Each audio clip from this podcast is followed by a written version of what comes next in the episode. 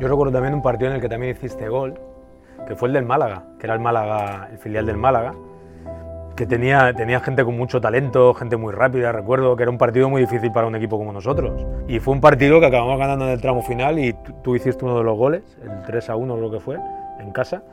Y, y, es uno de esos partidos que la gente no recuerda porque tiene más en mente el partido del Almería, el partido del Numancia, el partido del Lorca.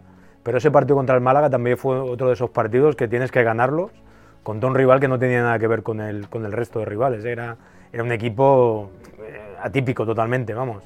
Sí, fue un día por la mañana, fue un domingo por la mañana ese día.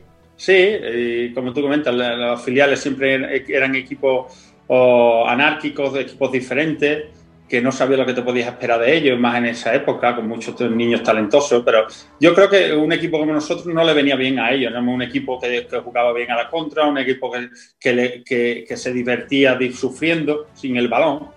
Entonces éramos un equipo, digamos, aguerrido, un equipo feo de jugar.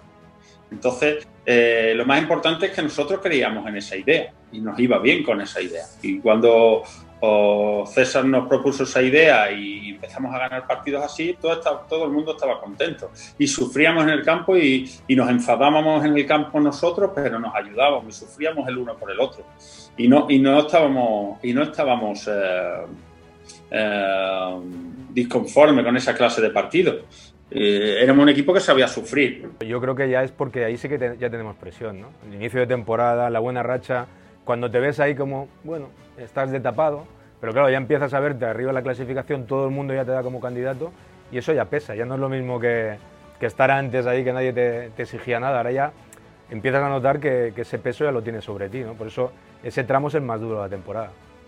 Para mí sí, para mí es, eh, son semanas que no acaban nunca, el partido nunca llega y llega, cumples, pero dices, joder, pues todavía queda unas cuantas más.